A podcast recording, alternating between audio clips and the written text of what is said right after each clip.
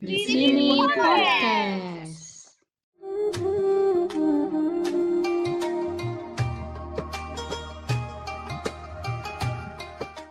Assalamualaikum teman-teman, di sini podcast Ara edisi spesial Ramadan. Gak kerasa ya, 16 hari lagi bakalan lebaran. Gimana? Puasanya udah ada yang bolong belum? Semoga setiap harinya kita makin semangat dan makin barokah. Jadi kali ini Ara bakalan sharing tentang kisah Nabi Musa alaihissalam. Tapi ini berdasarkan perspektif Ara ya teman-teman. Dan semisal nanti ada yang salah ataupun kurang dalam penyampaiannya, mohon banget buat teman-teman bantu koreksi dan perbaiki ya. Oke teman-teman, pas pertama kali dengar nama Nabi Musa alaihissalam, apa sih yang langsung terlintas di pikiran teman-teman? Kalau Ara sih ingat langsung Raja Fir'aun. Tahu nggak sih teman-teman, dalam Al-Quranul Karim, kurang lebih sebanyak 20 surah itu memuat kisah kehidupan Nabi Musa alaihissalam. Cerita Nabi Musanya kita mulai sekarang ya. Nah, Nabi Musa alaihissalam itu lahir di Mesir yang saat itu dipimpin oleh seorang raja dengan sifat yang sangat otoriter dan semena-mena kepada rakyatnya yang diberi gelar Fir'aun. Dan pada masa itu juga berlaku hukum di mana harus membunuh setiap anak laki-laki yang lahir. Menurut para ahli nih, jadi hukum ini berlaku selang-seling teman-teman. Semisal di generasi pertama sebuah keluarga itu lahir seorang anak laki-laki, maka anak laki-laki itu dibiarkan hidup. Namun nanti di anak kedua atau generasi kedua lahir lagi nih anak laki-laki, maka anak laki-laki generasi kedua ini harus dibunuh.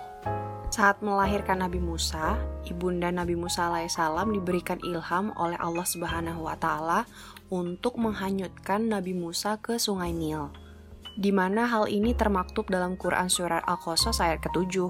Bismillahirrohmanirrohim, dan kami ilhamkan kepada ibu Musa, susuilah dia, dan apabila kamu khawatir terhadapnya, maka jatuhkanlah dia ke sungai Nil, dan janganlah kamu khawatir, dan jangan pula kamu bersedih hati, karena sesungguhnya kami akan mengembalikannya kepadamu, dan menjadikannya salah seorang dari para rasul. Setelah mendapatkan ilham ini, ibunda Nabi Musa menyusui Nabi Musa dan kemudian membuatkan sebuah peti yang berbentuk sedemikian rupa sehingga Nabi Musa bisa aman jika dihanyutkan di sungai Nil. Peti yang terbawa arus ini kemudian dipungut oleh dayang-dayang dan diserahkan kepada istri Firaun. Saat membuka peti ini, istri Firaun sangat terkejut.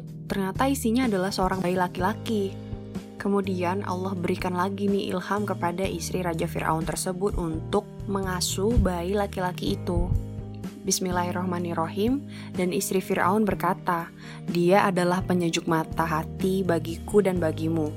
Janganlah kamu membunuhnya, mudah-mudahan dia bermanfaat pada kita atau kita ambil dia menjadi anak. Sedang mereka tidak menyadari.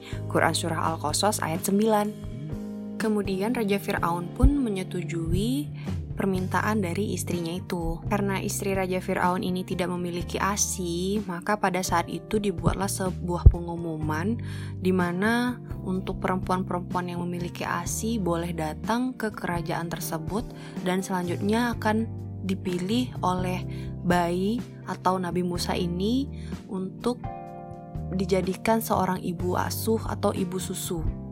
Dan terpilihlah ibunda Nabi Musa alaihissalam karena pada masa itu Nabi Musa alaihissalam hanya ingin menyusu dan menerima ASI dari ibunya langsung.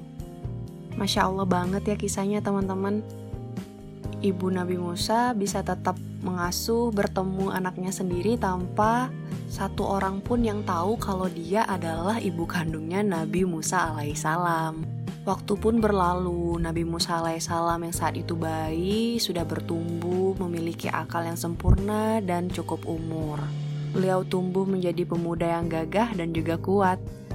Satu waktu, Nabi Musa alaihissalam menemukan dua orang yang sedang berkelahi, yang satu dari Bani Israel dan yang satu lagi dari kaum lainnya. Lalu orang yang dari Bani Israel ini meminta Nabi Musa alaihissalam untuk membantunya mengalahkan pemuda lainnya ini. Nabi Musa alaihissalam pun membantu dan kemudian terjadilah perkelahian di mana Nabi Musa alaihissalam memukul orang tersebut dan seketika pria itu meninggal dunia. Mengetahui hal tersebut, Nabi Musa seketika sadar dan bertobat memohon ampun kepada Allah Subhanahu wa taala. Bismillahirrohmanirrohim. Dia Musa berdoa, "Ya Tuhanku, sesungguhnya aku telah menzolimi diriku sendiri, maka ampunilah aku." Maka dia Allah mengampuninya. Sungguh Allah dialah yang Maha Pengampun, Maha Penyayang. Dia Musa berkata, Ya Tuhanku, demi nikmat yang telah Engkau anugerahkan kepadaku, maka aku tidak akan menjadi penolong bagi orang yang berdosa.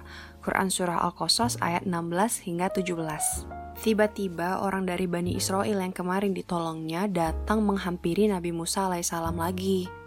Singkatnya, orang tersebut memberikan nasihat kepada Nabi Musa untuk segera meninggalkan kota tersebut karena para pembesar kota itu ingin membunuh Nabi Musa alaihissalam. Maka keluarlah Nabi Musa alaihissalam dari kota itu. Ia berjalan menuju kota Madian. Sesampai di kota Madian, ia berhenti di sumber air kota Madian. Di sana Nabi Musa alaihissalam bertemu dengan dua orang perempuan yang sedang memberikan minum ternak-ternaknya. Selanjutnya Nabi Musa alaihissalam memutuskan untuk membantu dua orang perempuan tersebut. Setelah selesai, Nabi Musa alaihissalam pun istirahat dan memanjatkan doa. Bismillahirrohmanirrohim, ya Tuhanku, sesungguhnya aku sangat memerlukan sesuatu kebaikan makanan yang engkau turunkan kepadaku. Quran Surah Al-Qasas ayat 24 Tiba-tiba datanglah salah seorang dari dua perempuan yang ia tolong tadi, menyampaikan maksud undangan dari ayah perempuan tersebut untuk datang ke rumahnya dan makan bersama. Sesampainya Nabi Musa alaihissalam di rumah perempuan tersebut, Nabi Musa disambut dengan hangat oleh ayahnya. Mereka bercerita tentang apa yang telah Nabi Musa lalui, perbincangan berjalan dengan hikmat sampai pada suatu maksud yang disampaikan oleh syekh tersebut Bismillahirrahmanirrahim, sesungguhnya aku bermaksud ingin menikahkan engkau dengan salah seorang dari kedua anak perempuanku ini, dengan ketentuan bahwa engkau bekerja padaku selama 8 tahun, dan jika engkau sempurnakan 10 tahun, maka itu adalah suatu kebaikan darimu, dan aku tidak bermaksud memberatkan engkau. Insya Allah, engkau akan mendapatiku termasuk orang yang baik. Quran Surah Al-Qasas ayat ke-27 Masya Allah, Allah emang perencana terbaik ya teman-teman. Semacam tertimpa durian runtuh, Nabi Musa alaihissalam mendapatkan istri sekaligus pekerjaan. Kemudian Nabi Musa alaihissalam diutus Allah untuk menyadarkan Raja Fir'aun yang pada masa itu menuhankan dirinya sendiri dan memaksa rakyatnya untuk menyembah dirinya. Datanglah Nabi Musa alaihissalam dengan Nabi Harun menghadap Raja Fir'aun yang kepo kenapa Nabi Harun bisa disebut dalam kisah ini akan dibahas selanjutnya ya di kisah Nabi Harun. Mereka datang untuk mengajak Firaun bertobat dan menyembah Allah Subhanahu wa taala. Namun, Firaun yang keras kepala ini tidak menerima ajakan mereka dan kemudian menantang berduel dengan Nabi Musa alaihissalam. Bismillahirrahmanirrahim ahli-ahli sihir berkata, Hai Musa, kamukah yang akan melemparkan lebih dahulu ataukah kami yang akan melemparkan lebih dahulu? Musa menjawab, lemparkanlah lebih dulu. Maka tatkala mereka melemparkan, mereka menyulap mata orang dan menjadikan orang banyak itu takut serta mereka mendatangkan sihir yang besar menakjubkan.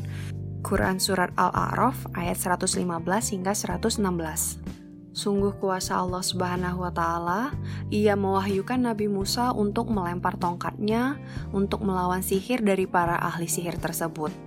Bismillahirrohmanirrohim dan kami wahyukan kepada Musa, lemparkanlah tongkatmu, maka tiba-tiba ia menelan habis segala kepalsuan mereka.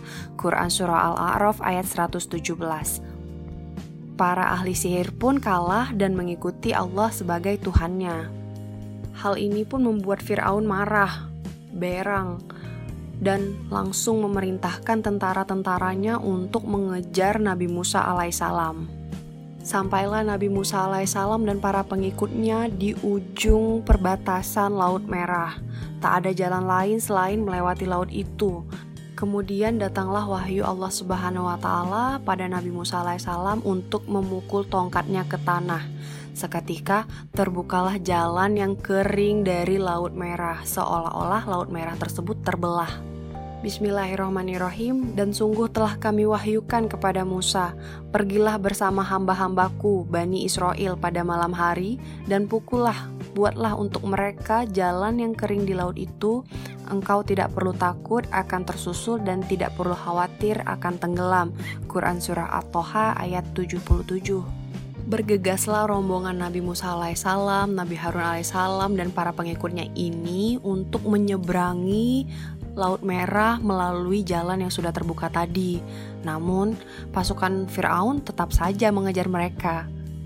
Kuasa Allah sesampai di ujung seberang dengan selamat, jalan kering di laut tadi malah menutup dan menenggelamkan Firaun dan bala tentaranya. Bismillahirrahmanirrahim. Kemudian Firaun dengan bala tentaranya mengejar mereka, tetapi mereka digulung ombak laut yang menenggelamkan mereka. Quran Surah Toha ayat 78.